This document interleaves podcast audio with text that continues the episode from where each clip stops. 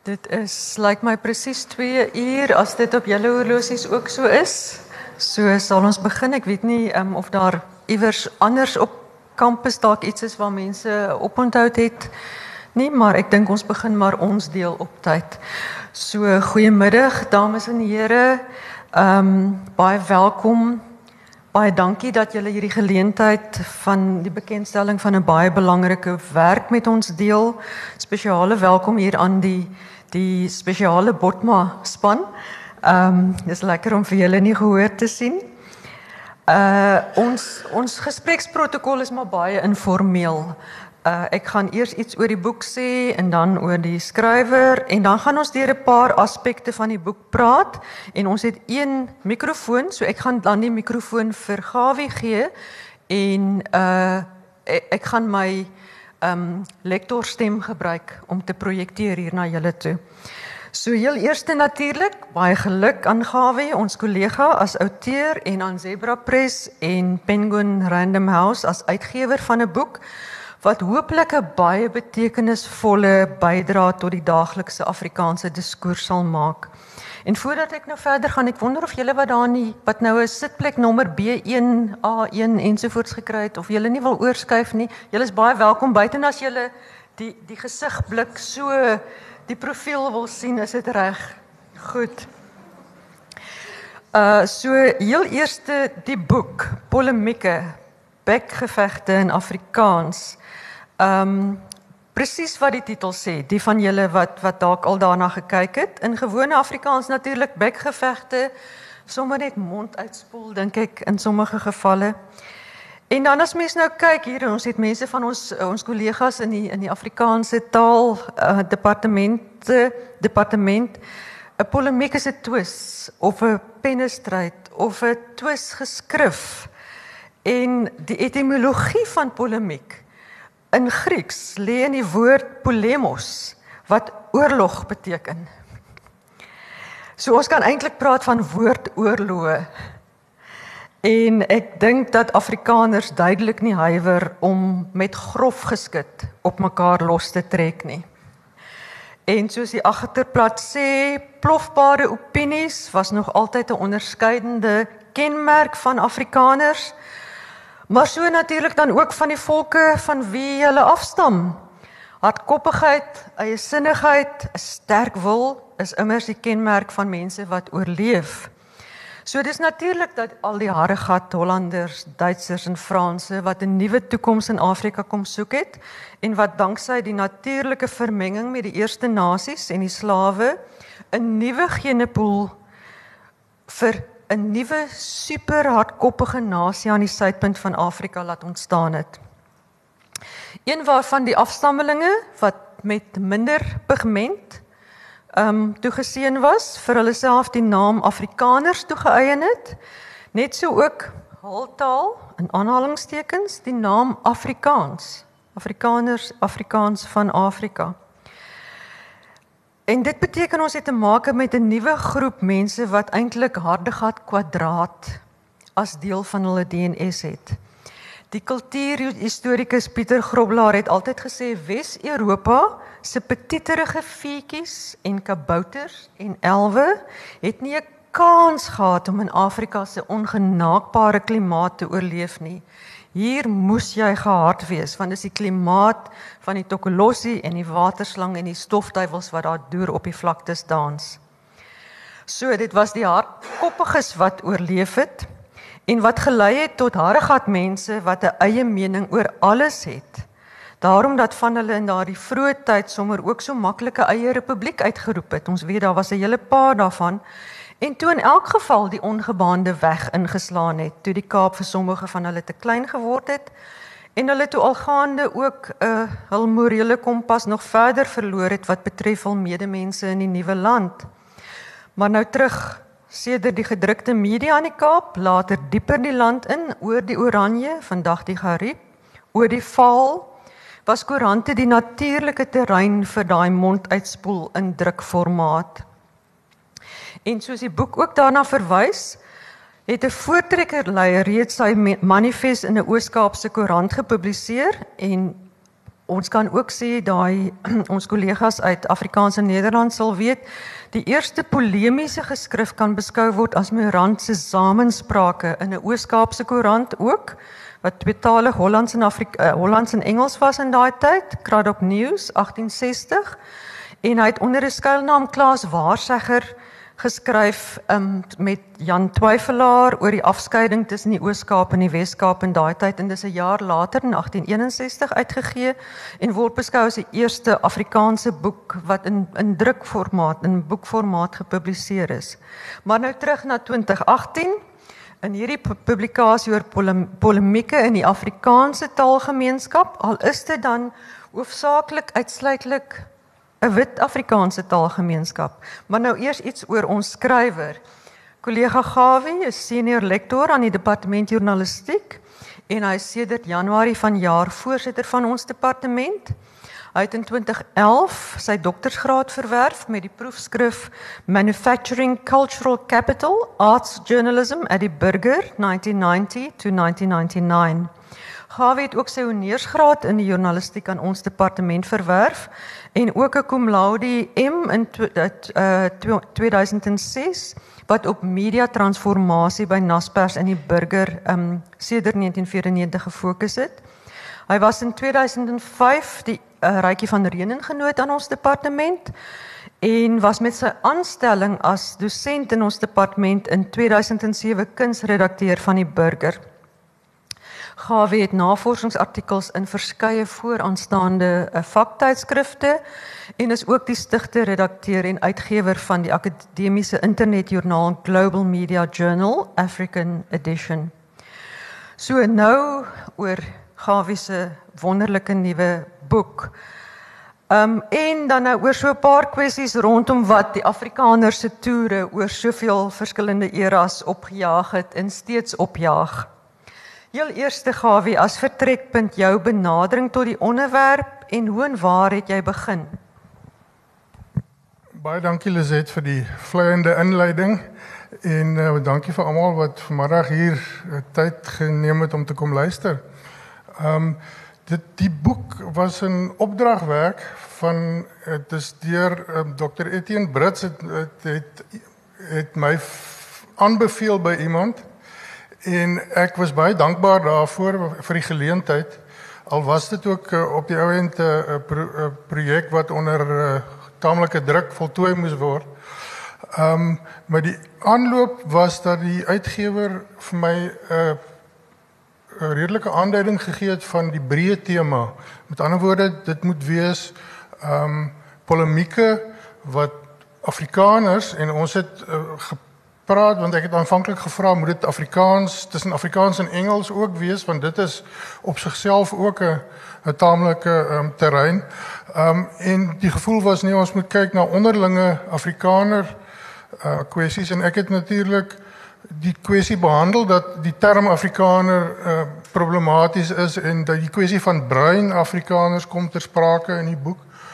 Ehm um, so ek het toe um, met 'n paar voorbeelde wat die uitgewer my gegee het, um, goed soos die Kottersloop beraad en verwoed in die pluimsaad debat en in die Boetman is die bliksem in. Um, die kwessies was so half my riglyne en daar het ek weggespring.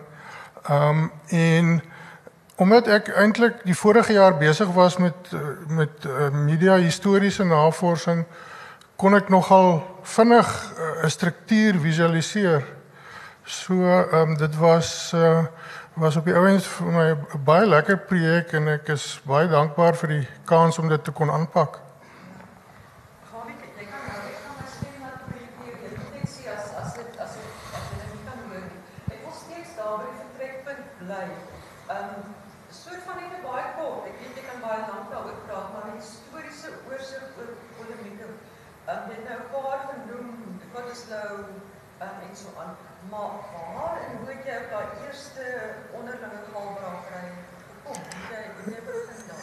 Ja, ek het ehm um, gekyk na ehm um, ek meen so historiese soos Gilome vertel van hoe die vryburgers, die eerste vryburgers by Jan van Riebeeck aangekom het met 'n met 'n klagskrif oor baie van die klagtes wat vandag selfs nog nie weerklank sal vind. Ehm um, en hy het vir hulle elkeen 'n sopie ehm um, wyn gegee en hulle is blykbaar heel goedig en uh, en vriendelik uitmekaar uit terug huis toe. So ehm um, as 'n mens nou daai groepie as oer-Afrikaners beskou, ehm um, dan was daar nou al van die van die vestiging af of kort daarna verskille. Die groot uh, polemiek wat uitgebreek het was met die afskaffing van slawerny, maar dit was veral tussen Afrikaanse en die Engelse koerante van die tyd. En daarna het um, met die groot trek en gelofte dag was van die groot kwessies wat um historiese soos Gustav Preller wat um hom beywer het om Afrikaner nasionalisme te bevorder en die um en die stories te uh, mites mite mite wat is die woord om 'n mite te maak. Ehm um, en ehm um, so ja, dit was ehm um, dit was van die vroegste en dit is wat vir my ook interessant was om te kyk na na van die goed wat eintlik so of voor my tyd en en ver terug in die geskiedenis lê. Dis eintlik so 'n komplekse wonderlike onderwerp, né? Nee, maar maar hierdie jy het ook nou daarna verwys Gustav Preller en daai generasie. Dink jy daai polemieke van die begin het eintlik en en nog tot onlangs en miskien selfs vandag het eintlik meer oor etniese mobilisasie gegaan as oor debattering van beginsels? Daar was 'n baie groot ehm um, deel daarvan was mense weet wat in die verskillende koerante hulle eie standpunte wou propageer. Ehm um, maar dit was vir my ook interessant om op te merk dat ehm um, die verskille tussen ehm um, die deelnemers ehm um, van die begin af duidelik is. So ehm um, die mobilisasie wat kon plaasvind het altyd geskied ehm um, so mense kan eintlik maar sê in die teenwoordigheid van 'n teenstem wat saamgepraat het. So ek dink ehm um, etniese mobilisasie het uh, definitief uh, 'n rol gespeel, maar maar uh, ek dink die selfs die hekwagters kon nie altyd die die uitkoms bestuur of of beheer nie sodat daar baie onbedoelde gevolge was dink ek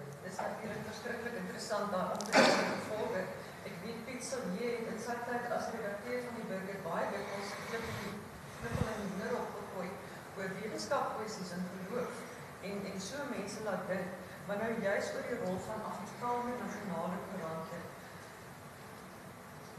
Wat jy gevind het, hoe dit polemieke en soms selfs skeurings aangewakker en sommige weer probeer verdoesel.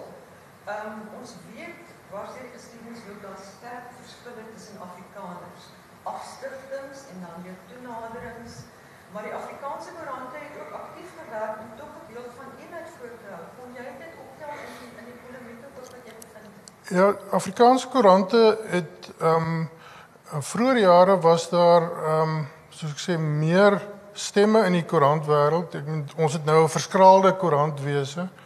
Ehm um, en wat 'n mens kan optel van die van die koerante van vorige tye is dat ehm um, daar daar was tog ehm um, pogings om te mobiliseer, maar die ehm um, die Ehm um, ek graaf verloor ek nou my draad van die storie. Maar maar, maar die koerante het o oh, wat ek eintlik wil sê is die Afrikaanse koerante van die tyd het ehm um, almal ehm um, uh, dis is 'n twee ehm um, wat is wat is die woord skizofrenie uit 'n dualiteit gehad ja hulle hulle hulle het aan die een kant probeer om die ehm um, regering ehm um, te ondersteun aan die ander kant het hulle soms baie versigtig genuanceerde kritiek uitgespreek. En ehm um, dit het gemaak dat hulle ehm um, uh, baie keer op verskillende stoele probeer sit het. So 'n mens kan hulle amper, jy weet jy kan hulle kwaliek neem dat hulle ehm um, soms ehm um, sekere dinge amper verdoesel ter wille van soos jy dit ook noem etniese mobilisasie, maar aan die ander kant is daar uh, gevalle waar hulle wat 'n mens altyd hoor van Afrikaanse koerante is dat hulle soek krediet vir die ehm um, feit dat hulle ehm um, tog teen die regse elemente want want sedert die, die skeurings in die ehm um, nasionale party met die ANC en die KP ehm um, sedert daardie verskuiwings plaasgevind het, ehm um, het die Afrikaanse koerante tog 'n rol gespeel om die regse elemente amper te demoniseer tot tot 'n mate. So dis hierdie dubbele rol. Hulle het hulle het die ehm um, die twee aan die een kant probeer om die die gevoel van volkseenheid vol te hou. Aan die ander kant het hulle die die Afrikaanse verdeling ook bevestig deur teen die regses uit te vaar wat hulle as 'n minder minderheidsgroep beskou het. Is daai komplekse um, posisie waarin die Afrikaanse media was, jy verwys ook in jou boek na na Skapinaar en sy onafhanklikheid en gebondenheid met koppeltekens ook nog om te wys hoe presies onafhanklik en gebondenheid hulle was. Want daar was nog ook dan nou die konflik met die NP, maar aan die ander kant ook pro-NP juist om om die om die konservatiewes te waak. So so 'n vorm van journalistiek so bietjie, maar tog ook daar dan net eintlik om die konservatiewes nie stem te gee. So wil, wil jy dalk iets sê net oor hoe die die koerante soms ook 'n konflik met die nasionale party was wat jy gesien het uit die uit Ja, dit was um, byvoorbeeld in Piet se tyd was daar um uh op 'n in 'n stadium 'n taamlike botsing tussen hom en Verwoed waaroor jy ook geskryf het en ek dink uh, oor die korrespondensie wat Piet se daaroor gevoer het. En um die die koerante wat ook interessant was is dat hulle soms onderling met mekaar um stry gekry het. Um selfs al het albei die regering ondersteun. Ek weet ek dink soos die vaderland en en beeld um, en en toe was uh, soos ek gesê daar was 'n groter verskeidenheid koerante ook gewees. En um hulle het um soms maar uh, onder mekaar ingeklim en ook dan um uh, jy weet probeer om uh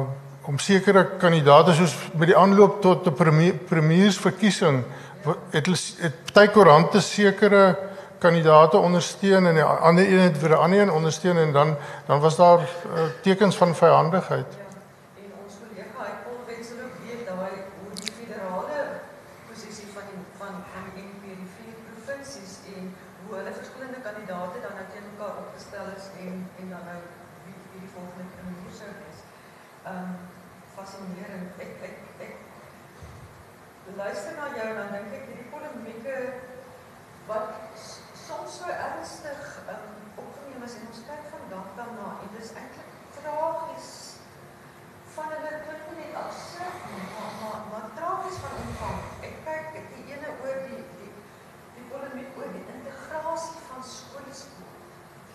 Ek wil vra wat was jou gedagtes toe jy dit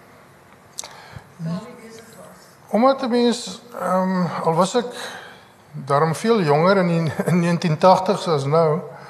Ehm um, het 'n mens soort van 'n idee van wat gebeur het, maar maar dit is nog steeds ehm um, jy weet byna 'n absurde gevoel as jy sien waaroor mense ernstig met mekaar verskil het en en die tipe argumente wat hulle gebruik het byvoorbeeld oor ehm um, sogenaamde gemengde sport die ouers wat so ehm um, verskriklik ontsteld geraak het oor die feit dat skole sport, die Kruiwenweek byvoorbeeld nou gemeng is.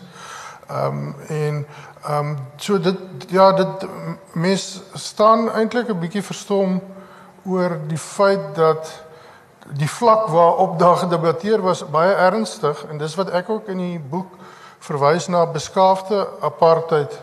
Dis dat selfs die mees gruwelike dinge is soms in woorde en op maniere aangebied om dit 'n uh, aanvaarbare glans te gee. En ehm um, jy weet aan die ander kant kan 'n mens daarom sien hoe hoe ver ons gevorder het. Ehm um, so ehm um, jy weet dit is dis ten minste iets positiefs wat 'n mens daaruit kan haal al, al is dinge nie ideaal vandag nie maar maar ons ons kom daarom van 'n van 'n slegte plek af.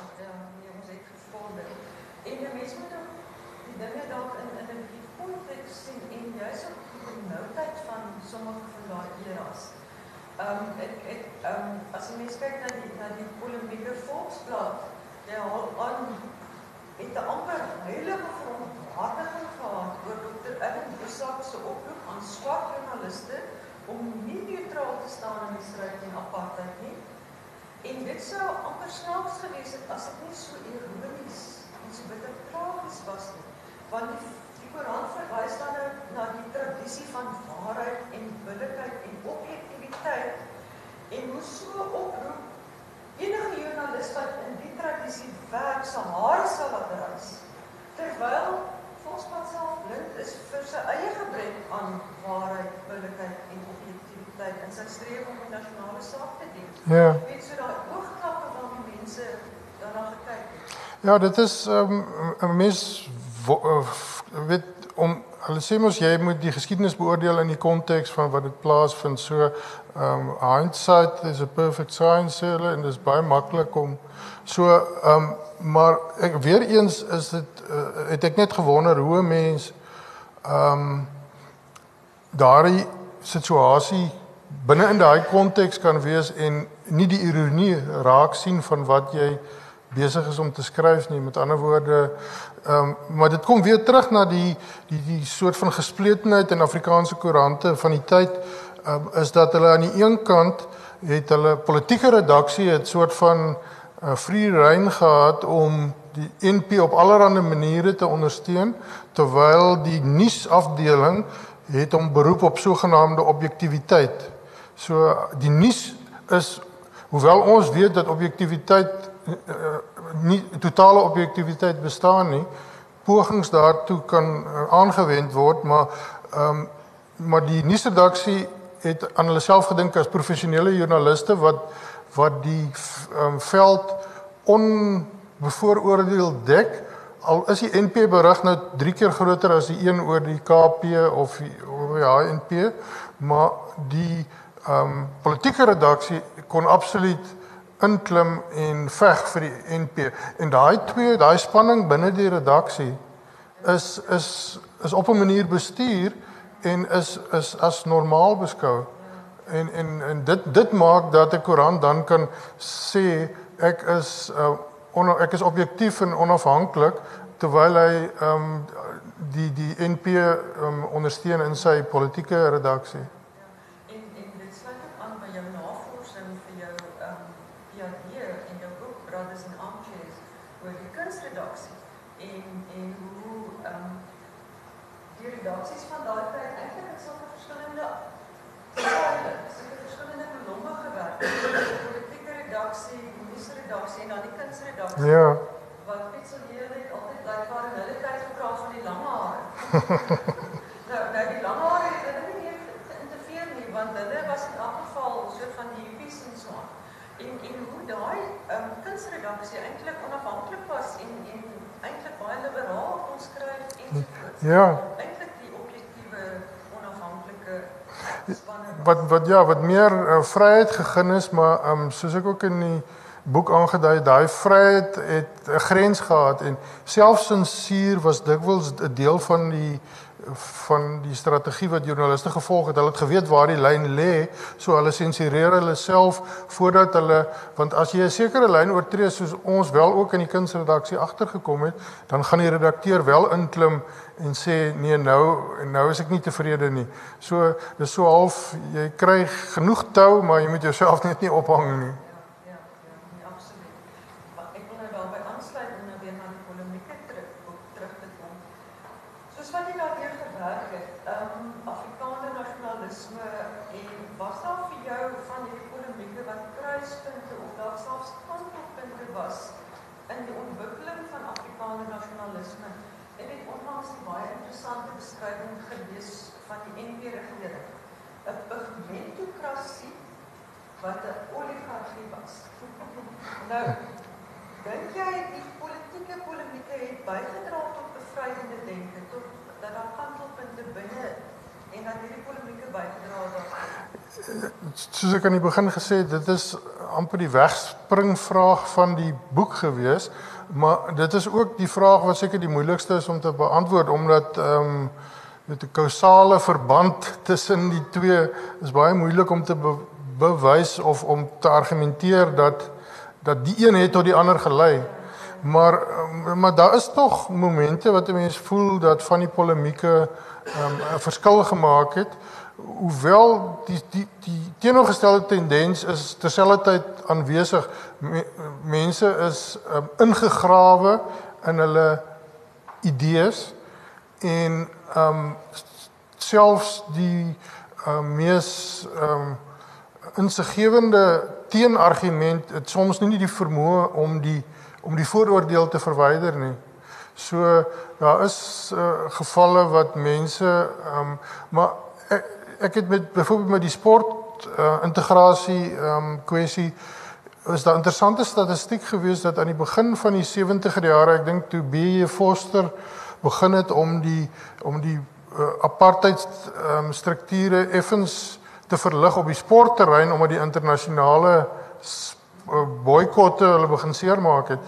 Ehm um, het was van die wit Afrikaanse ehm um, lesers, hulle het 'n persentasie genoem, 'n lae persentasie wat aan die begin van die 70er jare ten gunste van integrasie van sport en ander op ander gebiede was en aan die einde van die uh, 70 of begin van die 80er jare was dit 'n hoër persentasie. So dit lyk tog of daar 'n verskywing plaasgevind het in die samelewing, maar ek dink die media is 'n komponent miskien van daai verskywing uh, en en mense sou sou nie kon sê dit is nou die die die oorsaak gewees nie, maar dit het definitief 'n rol gespeel want die uh maar maar die ander faktor is natuurlik dat die Afrikaanse koerante kon besluit of hulle um, sekere briewe plaas of nie. So die debat is op 'n manier ook ge, gereguleer en sodat as die koerante sekere redaksionele lyn het, dan plaas hy meer briewe in 'n sekere rigting. Daar's 'n voorbeeld van Andri Streernig wat die kerkbode se redakteur was. Nou, hy was later die KP ehm um, voorsitter en hoe hy ehm um, in die in die kerkbode net uh, briewe oor 'n sekere saak. Ek, ek kan nie onthou eers onthou wat die ehm um, kwessie was nie, maar hy het net ondersteunende briewe. Dit was die Kottesloop net ondersteuning vir verdoemende briewe van die Kottesloop Raad geplaas. Ehm um, en nie teenstemme nie. Ehm um, jy weet so so kan die openbare debat dan ook uh, gemanipuleer word.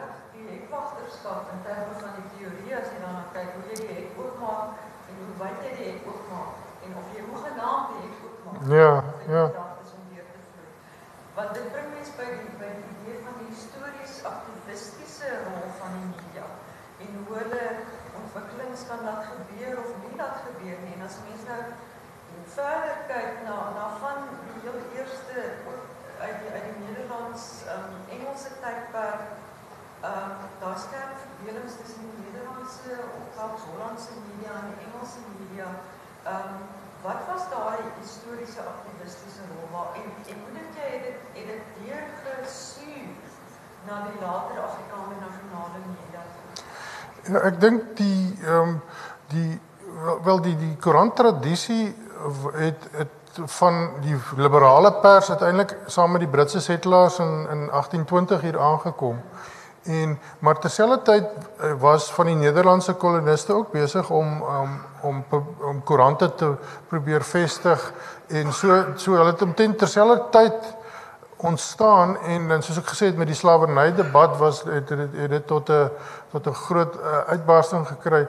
Die onderlinge verdeling tussen die Nederlands en Afrikaanse ehm um, sprekers was veral opvallend met die taalkwessie ehm um, ook na die Anglo-Boereoorlog ehm um, het vroeër ehm um, met met die uh, Afrikaanse pat, uh, patriot en ehm um, na die oorlog het dit veral momentum gekry en um, maar wat vir my interessant was was dat soos uh, Langehoven en ehm um, en ander mense wat aan verskillende kante van die debat was of Afrikaans of Hollands die amptelike taal moet wees.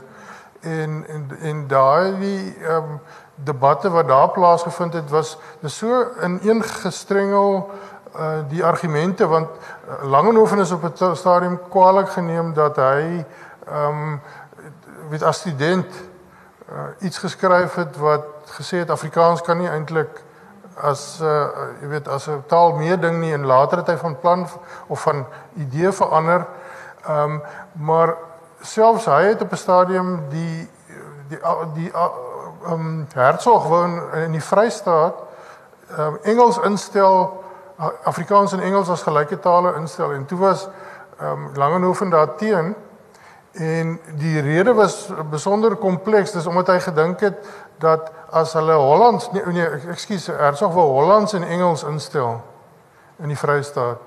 En toe het uh, Langehoven geredeneer as hulle dit doen gaan gaan Afrikaans en Hollands 'n knou kry want die mense praat Afrikaans, hulle praat nie meer uh, Nederlands nie. Ehm um, so so die argumente rondom die strydpunte tussen die af tussen die Nederlands Afrikaans bevolking rondom taal spesifiek was uh, besonder kompleks want en ek dink met die stigting van die Suid-Afrikaanse Akademie vir Wetenskap en Kuns was daar toe 'n uh, amper 'n uh, uh, skietstilstand tussen die Hollandse en die Afrikaanse taalstryders want hulle het besluit dat dat om albei te bevorder eintlik tot voordeel op die ouend weet sal wees van Afrikaans.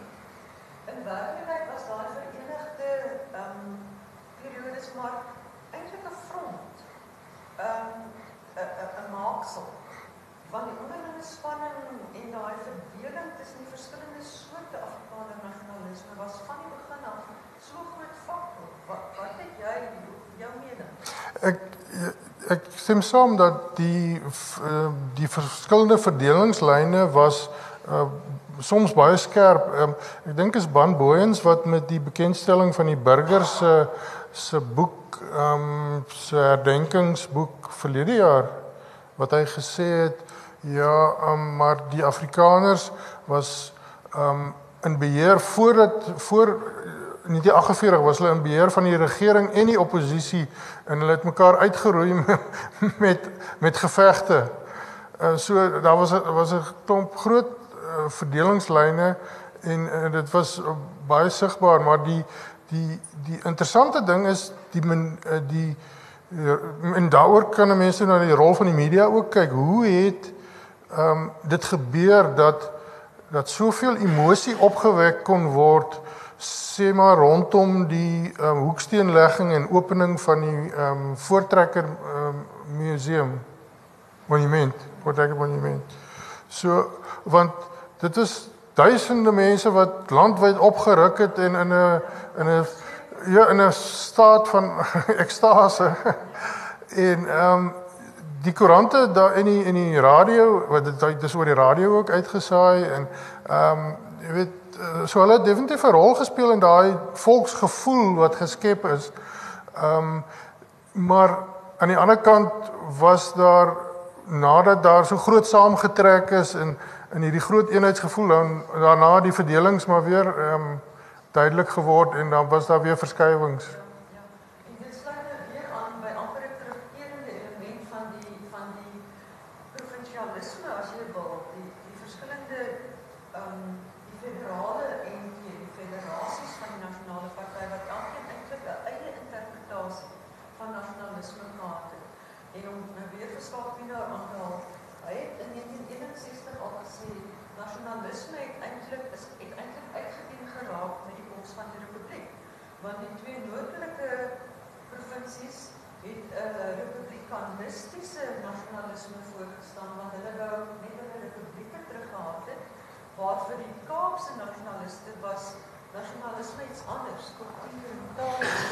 Ja. Ons gesien die politieke eh, republiek en en daai hele rol wat die wat die koerante dan nou daarin gespeel het. Ehm um, dit, dit dit is iets wat mense eintlik die hele middag kan besig Nou nou dat jy noem van die verskillende eh, uh, boere republieke was ook vir my interessant. Ek meen baie van hierdie goed is in die openbare domein so ek sê nie dit is ehm um, aardskundende nuwe ontdekkings nie, maar dit was vir myself 'n nuwe ervaring om en ehm um, om um, uh soos byvoorbeeld die net die die die feit dat die die naam van die Anglo-Boereoorlog wat die Suid-Afrikaanse oorlog soos dit uh, deesdae bekend staan, ehm um, hoe dit na die oorlog was dit ehm um, soms het die Engelse geskryf van die van die the the Boer War toe het die die Afrikaners in in in reaksie geskryf van the the English War en toe dit later die Anglo-Boereoorlog geword en ons weet um,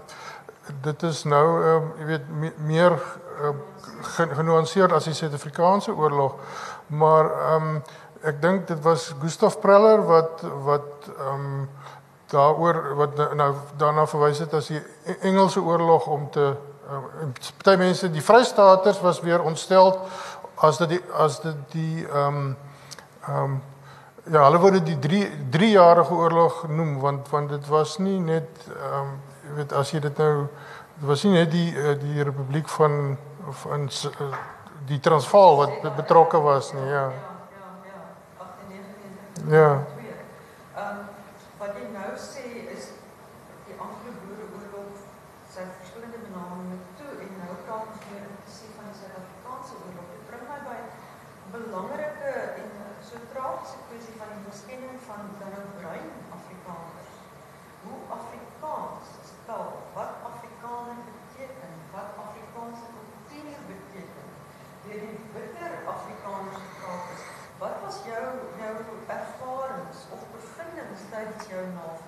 Ja, kyk, ehm um, dis nou nie 'n bevinding nie, dis nou meer 'n gevoel, maar ek dink 'n mens kan nie anders as om skaam te voel vir die ehm um, miskenning wat plaasgevind het en ook begrip te hê vir die woede wat daar deesdae ontstaan wanneer ehm um, wanneer wit taalsprekers probeer om bruinsprekers vir die taalstryd te mobiliseer nie want dit, dit is so tragiese en hartseer geskiedenis wat soveel eh, leed veroorsaak het dat ehm um, dat jy, jy weet 'n mens weet wees word, word amper tot stilte ge eh, gedwing ehm um, as jy kyk na die gegewe en ehm um, en en en jy ontwikkel begrip vir ons ons hedendaagse uh, ons hedendaagse politiek en en van die kwessies wat daar is want ehm um, weet ehm um, daar was allerhande um, pogings in die geskiedenis om om bruinsteen daar was selfs pogings om bruinsteen vir die NP te werf. Daar was 'n bruin nasionale party ehm um, wat moes ehm um, ehm um, en dan nog die kwessie van die verwydering van die stemreg wat ook wel bekend is waar daar ook heelwat polemiek in die in die in die burger en ander koerante was.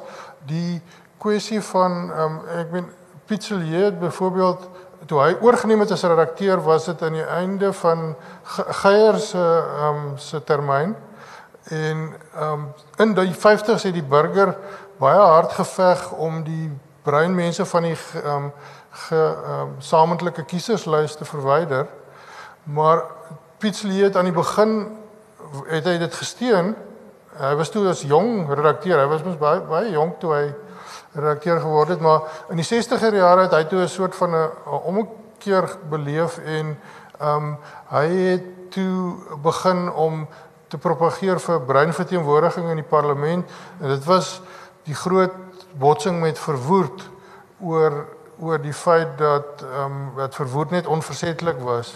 En wat uit wat vir my ook blyk uit hierdie boek is dat ehm um, dis baie duidelik dat verwoerd so se uh, verdwyning uit die politieke ehm um, toneel het was die begin van die ondergrawing van die apartheidstrukture want want hy was daai leier wat almal verenig probeer almal probeer verenig of geboelie het en mense um, en onversettelik was oor die beleid die die die mense daarna kon nie dieselfde ehm um, momentum handhaaf nie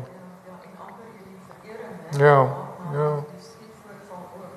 Ehm um, daar's so baie kwessies waaroor mense kan praat. Ehm um, die hele ding om nou weer verskaf daar aan te haal wat hy ehm um, ook hierdie kwessie van van ehm um, waar hy geskryf het alreeds in die 50s dat die Afrikaner moenie doen aan ander soos wat aan die Afrikaner gedoen het is nie.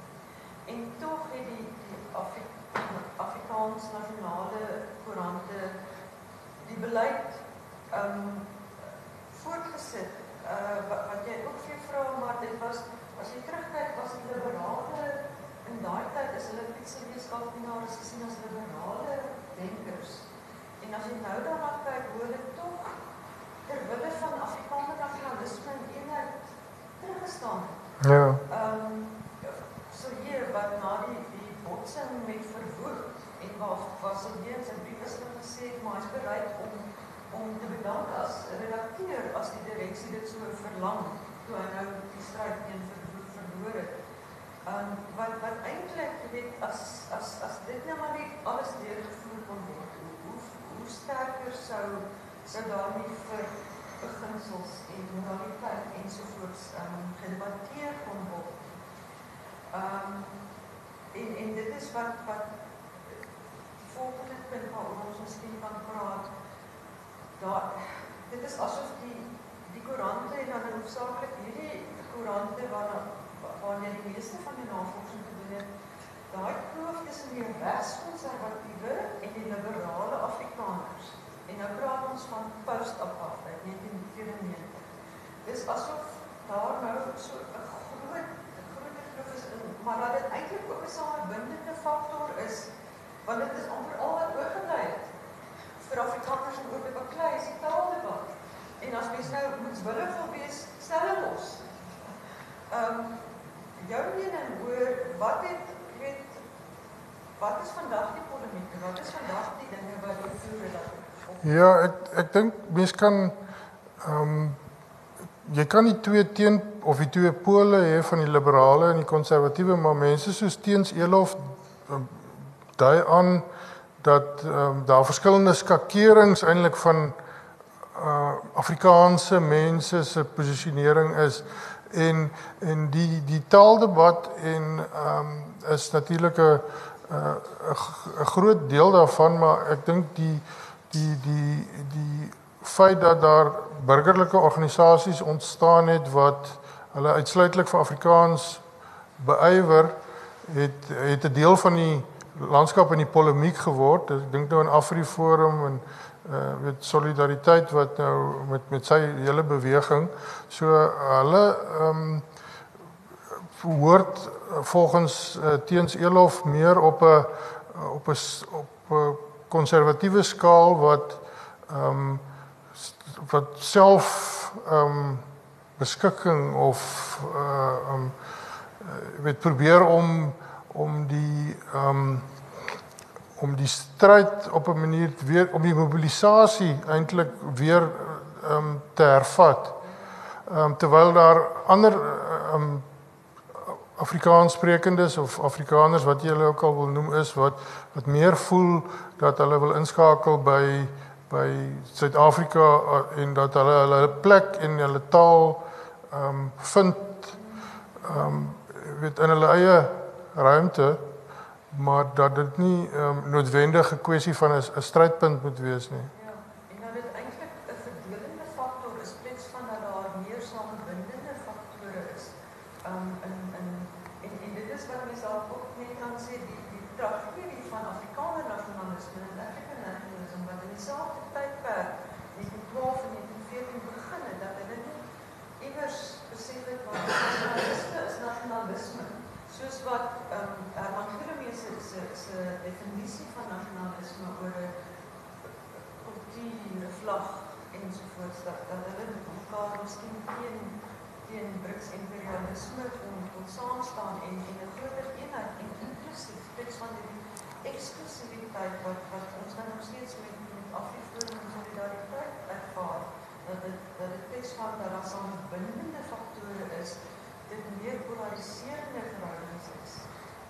Ja, dit is 'n ingewikkelde debat want uh, mense soos taal mense soos um, en navorsers soos uh, Stein ehm um, weet sien die ontwikkeling van hierdie groepe as 'n positiewe uh, ontwikkeling um, terwyl baie um, mense wat hulle nou as meer liberaal beskou baie krities is teenoor teenoor hierdie bewegings omdat ehm um, jy weet en soos ons weet is dit gekoppel aan allerlei emosionele temas uh, onder andere plaasmoorde en en ehm um, so dit is 'n uh, ehm um, dit dit is 'n polarisering ehm um, en en 'n mens wonder uh, op die op die lang duur of die ehm um, of die die druk waaronder die taal kom in die openbare sweer ehm um, tog gaan lei tot meer suksesvolle mobilisasie op sekere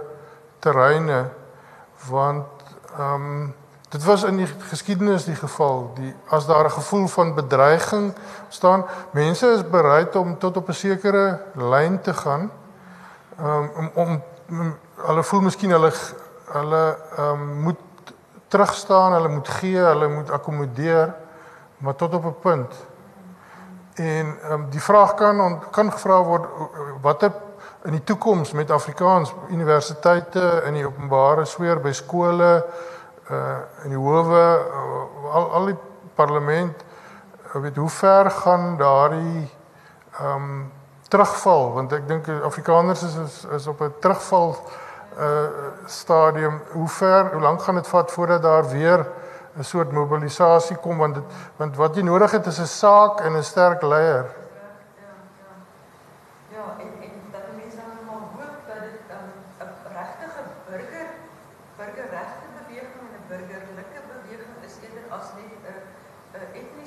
Ja, ja.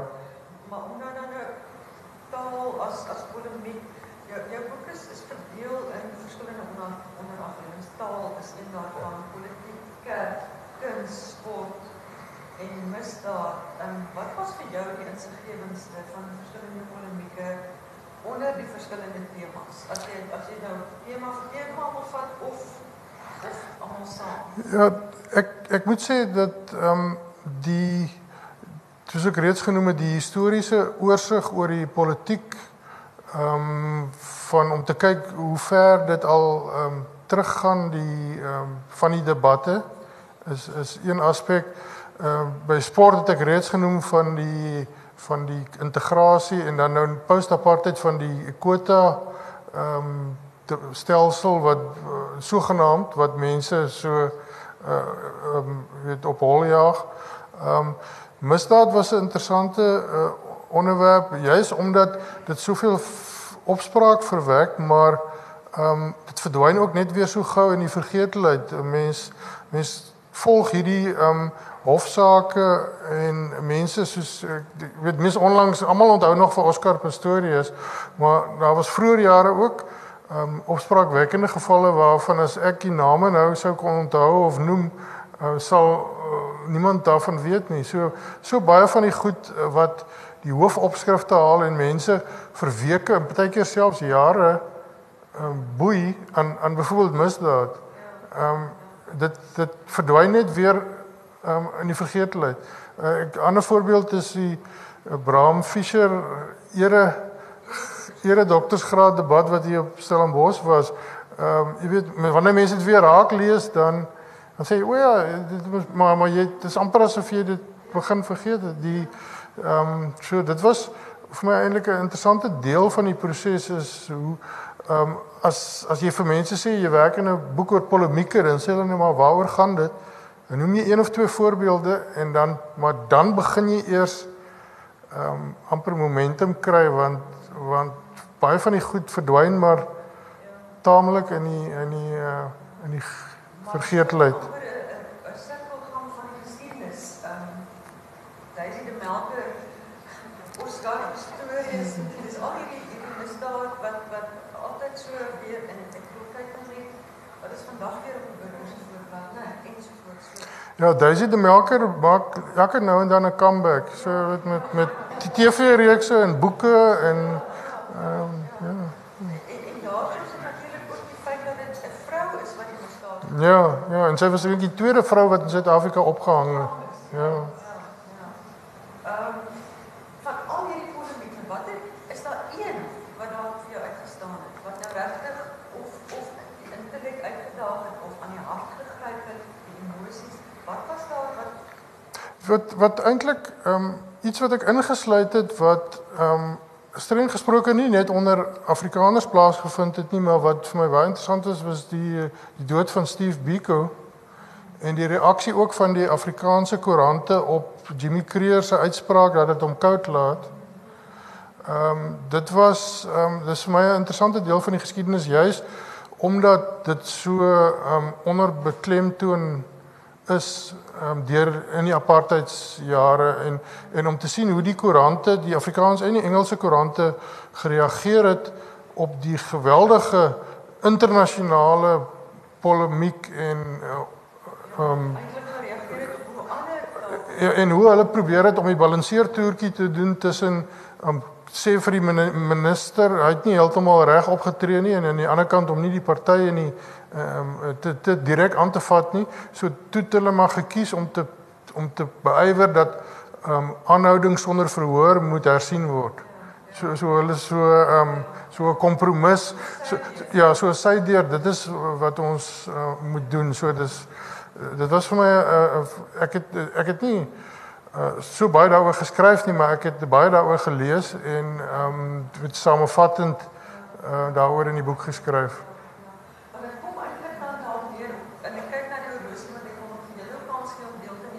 maar 'n aanspreek van die gewete deur deur polemieke en nou wil ek kom by by wat ek wil noem wetgevegte op sosiale media want vir my om dit polemieke te, te noem is om dit amper 'n status te gee wat dit nie verdien nie wat dit nie waardig is nie nou wat is jou mening oor die wetgevegte op digitale media teenoor die polemieke wat jy in drukmedia gekry het ja byvoorbeeld die kommentaar op netwerk 24 ja navorsing? Wel, die die die feit dat die hekwagters verdwyn of minder betrokke is, maak dat dit 'n bietjie van 'n wille weste raak. En ehm um, daar is definitief skadelike elemente daaraan, maar ehm um, ek voel ehm um, as 'n mens uh, vryheid van spraak en demokrasie en die goed ernstig opneem, moet jy moet jy daarmee saamleef soos soos met ander goed wat wat ook miskien nie heeltemal in jou persoonlike smaak val nie, maar wat wat op die ou end mense se vryheid verseker. Ehm um, maar dit is so dat om ehm um, dit hang af van die platform waar jy gaan kyk en en en van die betrokkenes hoe of dit werklik as 'n polemiek kwalifiseer en of dit nou net 'n uh, klomp uh, klomp snert en moddergooiery is. So ehm um, die die die ander ding is natuurlik dat die polemieke uh op die, op as jy dit of die gevegte op die internet is versplinter uh, en mense kies baie keer 'n sekere in Engels noem hulle dit 'n echo chamber waarin hulle dan skuil en met mense praat wat soos hulle dink so dit dit ver, verhoog die ehm um, gevaar eintlik dat mense nie met mekaar praat nie maar verby mekaar praat. Ja, want dikwels skryf hulle nie oor die berig wat bo verskyn het nie, maar oor iets wat iemand gesê het. So dit word uh,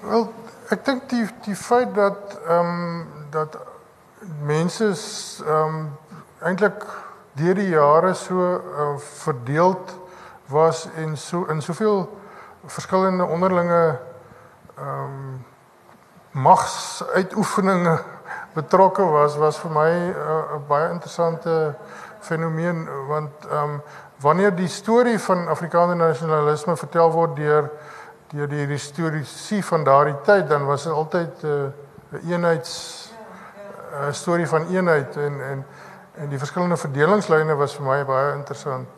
En maar ook hoe die debatte soms terugkeer. Daar's soos die wat ek nou van genoem het wat in die vergeetlikheid verdwyn, maar daar's daar die terugkerendes wat ehm um, wat en dan is daar die langdurige soos byvoorbeeld die die gay debat in die NG Kerk wat nou al hoe lank aan die gang is en ek meen dit is dit spruit selfs vroeër ehm um, jy weet gedurende apartheid was daar al verskywings wat die sinode ondergaan het ehm um, maar hulle top nog steeds oor dieselfde vraagstuk en ons is al by 2018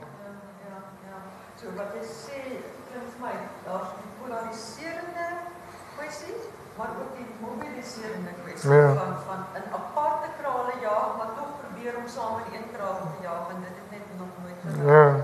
En voortdurende krale wat wat, wat die hele tyd die debat wat voortgaan. Goed, ehm um, dankie Gawe. Ek wil graag kan stel iemand wat 'n uh, vraag uitgehoor het. Ons het nog so 5 minute. Uh, dan maar net. Ek wil net eintlik 'n uh, vraag Gawe. Kyk, ek het baie besig gehou met die net die video uh en dit is my interessant want die, die meting in die, in die 20ste eeuw is eindelijk wat je ziet als een continue natuurlijk nou tot in die 21ste eeuw waar die weer getrek word. Het is my opvallen dat ons een baie sterk uh, cultuur van debatteer in die land ook het. Ja. En die meting in die eeuw was daar talle debatsverenigings. Ek weet nie of jy daarby ook het. Nee, nie. Maar dit is een aspect wat eindelijk nog deurwerk tot op heden. Uh, daar is nog steeds een tamelijk sterk debatscultuur. Ja. Uh, ja. Maar dit is natuurlijk, uh, dit wordt ook tot alle uiterstes gevoerd.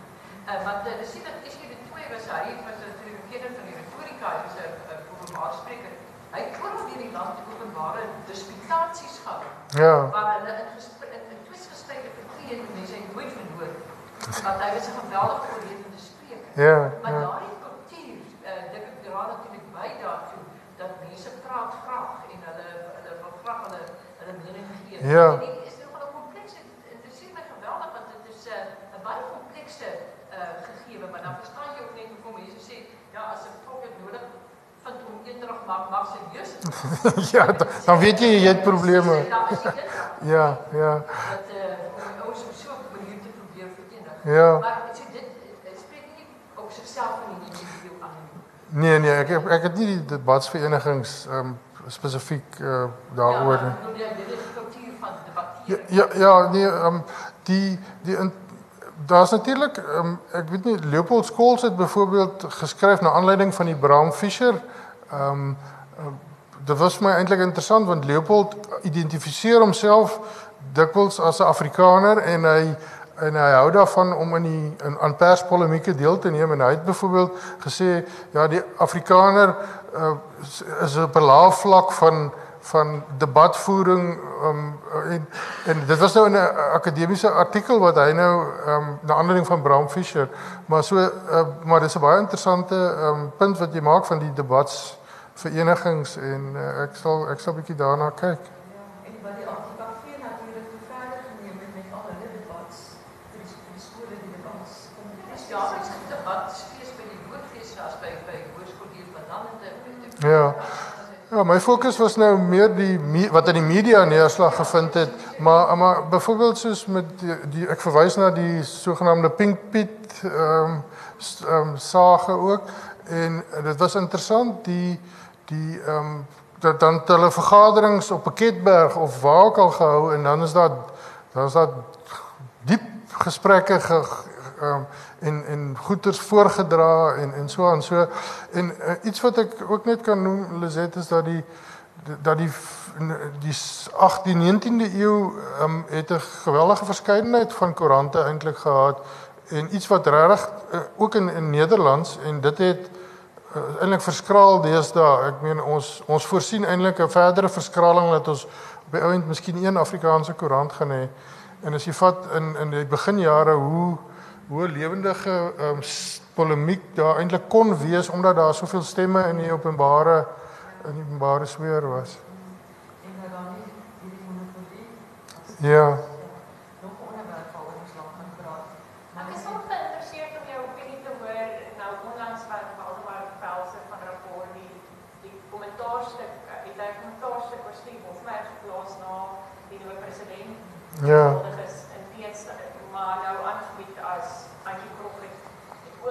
Ja, ja.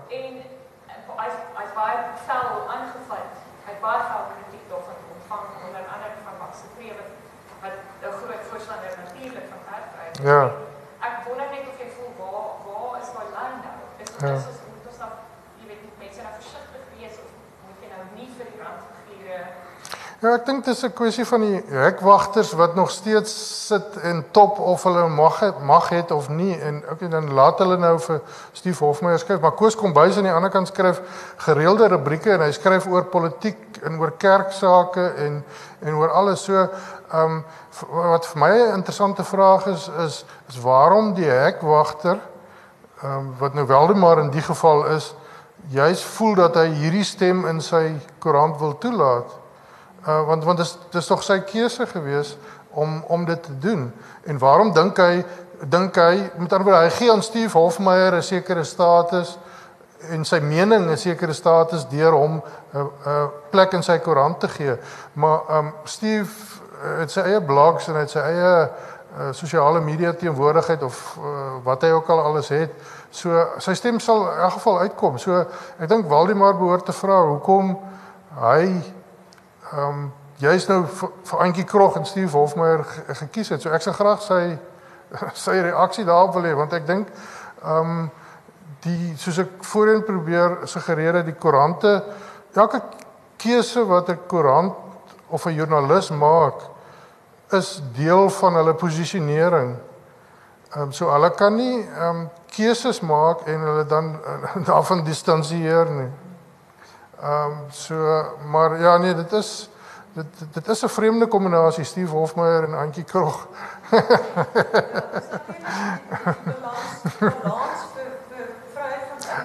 Ja. Ensovoorts, maar dan wil ek net afvra watter platforms verskaf het. As jy kyk na artikel 16 vryheid van spraak, maar onderhewig aan al hierdie sekere verantwoordelikhede want jy kry nie vryheid sonder 'n verantwoordelikheid. Ja. En dan is daar nou aanstigting tot geweld, haatspraak en al daai dinge wat daarin kom. Nou mense kan sê waar begin onverdraagsaamheid en waar begin dit raak iets anders? Want Amanda Gous het byvoorbeeld ook geskryf oor onverdraagsaamheid, die onverdraagsame toon van van Steve se stuk ensovoorts. So, so Daar's daar's byvoorbeeld ook daai uh, rolprent wat nou die die uh, rolprent wat oor manlike uh, ja ja wat is ja die besnydenis wat nou verbied is uh, wat ook 'n interessante geval is um, in in weet 'n verskynsel in ons um weet ek kry soms die gevoel dat in die 80er jare was was die uh neiging 80s en 90s omdat daar sulke drakoniese sensuur was om sensuur ten alle koste te probeer te vermy en dis asof mense nou praat van veilige ruimtes en um, ek verbied eerder iets wat ek nie van hou nie of um, so dis asof die skaal 'n bietjie geswaai het en um, 'n mens hoop maar net nie dat uh, ons nou weer 'n uh, nuwe sensuur soort van bedeling binne gaan nie. en selfsensuur ook in daai hele um, um, debat want dit is ook van wat ons toegelaat word om te sê binne sekere omstandighede wat wat ook 'n baie basige um, definisie het. Ja. Um, nog 'n vraag. Uh, die verhoogde rolprent is toevallig vanoggend opgehef. Hoe is dit opgehef vanoggend? OK. So as 'n uh, joernalis behoort ek dit te geweet het. Was so ehm um, dat die die slegte teken is daarom nie meer wat ons ja. Ja. Ja. Ja. Koos. Ehm dus ek ek het jou ek het jou nog nie boek gelees nie, maar die raai by nie wat die aard van die saak ek kom nie by besig teenwoordig. Dis asof my ou dit. Ek wat daar toe ek staan Boston gekom het uh uit die Transvaal het ek net die Transvaal gelees het, was die burger vir my so 'n bietjie van 'n liberale skok. En uh, ek is maar 'n bietjie afgepas en ek die hele ding moes oh, ek het gou iets sê dat ek het al mense gesê die nasionale destyds gesê dat die nasionale party se voertuig waarmee die mense se opinies stadig verander kan word. Moet sê ek met vol reg. So ek wil net nog uh, spesifiek vir jou sê jy is nou die kuns staan kunsland Weet wat die geval van Moses Otter se standbeeld wat eh destyds toe van jonk skool was, universiteit was, wat hulle die standbeeld gemaak het. Hy het opdag gekry om 'n standbeeld te maak vir 'n provinsiale gebou in Pretoria. En dit was toe van twee seminare met persone, 'n pa, vader, 'n figuur, 'n moeder figuur. Vader se figuur was so oor die moeder se figuur se skouers op haar geleë was. Einde van die storie is die polemiek het gesorg dat daai deel verwyder is. Ja. Hy sê wat is die krag van polemiek? Ja, veral in die kunste en soos ek verwys ook byvoorbeeld na die Hertzogprys, die die gevegte daar rondom ja, ehm um, die en ehm um, natuurlik die voelvry beweging, piknik by Dingaan, daai daai tipe van goed ja, ek het nie daai spesifieke geval uh, maar ehm um, maar daar was ook ehm um, ek dink die swart Christus voorbeeld van die, die skildery. Ehm um, so so dat die die die koe- ek dink die lekkerte ding van die boek vir my was om die goed te selekteer en daaroor na, navorsing te doen. Die die minder lekker deel was dat ek weet dat daar soveel ander is wat ook nog sou kon inkom. Maar uh, maar daar was 'n beperking op die woorde. So so mens moet uh, moet selekteer op die ou end. Ja, ons is oor ons tyd man. Ek wil net ding sê, ek ek wil net weet julle selfsensuur toepas wat ek net vlieg gesien dat julle gaan praat oor Dan Rook en dis ek nou uitgegee is. Want ek wil baie graag hoor wat julle gesê oor Dan. O, ek het dit maar net gesê as of ek het dit gebruik as 'n voorbeeld van ehm um, wat gebeur het ehm um, ehm um, een van die polemieke wat wat plaasgevind het. So ek het ehm um, ek het opgesom die, die, dat hy ehm um, hier weet dat jy uh, gesê het hy's weet dis vryheid van spraak as ek reg verstaan en ehm um, dat daar dat Max de Pre en uh iemand o die die die selfe vrou wat ook die Bram Fischer ding by betrokke was die, die Malan Malan Yvonne ja dat, hulle op die ou en toe nie by in 'n uh, die woordfees um geboikot het omdat hulle um nie saamgestem het dat Dan moet uh, kom nie maar toe sê Dan Rood maar hulle was op 'n uh, saam to, saam met hom op die radio op die televisie. Max de en Dan Rook het Max de Pre die onttrek van die bootfees dan saam op televisie ja ja. Ja so ek het dit uh, opgesom. Baie van van die ehm um, Dis 'n vreeslike interessante uh, omdat daar twee dat dat verskillende lyne gekruis met mekaar. Ja ja. Die interessante is die skrywers aan die een dit was ek ek het 'n verdeling tussen skrywers met eh uh, Abraham de Vries en die mense wat gesê het as jy vir die wit baie dan onttrek ons. ja. En die ander skrywers wat gesê het as jy hom toelaat dan onttrek ons. ja En ja. dan uh, ja. Ja. Nee ek uh, dit is een van die inskrywings soos ek sê uh, 'n mens kan oor elkeen van hulle nog baie meer gesê het maar ek het uh, probeer om 'n oorsig te gee om mense se geheue te verfris en en en ek dink daar's heelwat feite wat of vergeet is of miskien nie so bekend is in die openbare domein nie so so dit uh, sal hopelik mense dan nou uh, interesseer. Ja, ek dink 'n mens gaan sê vrolik voort met polemieke, né? Gawe ek wil vir jou gelukwens weer met 'n baie belangrike boek. En ek hoop dit ins- inspireer en stimuleer tot verdere navorsing oor pol- polemieke en wat polemieke tot gevolg kan hê in in bevrydende denke. So baie dankie Gawe vir die gesprek en geluk weer eens aan die uitgewer en dankie aan die woordfees en dankie aan die gehoor vir julle teenwoordigheid. Ja, baie dankie Lisette.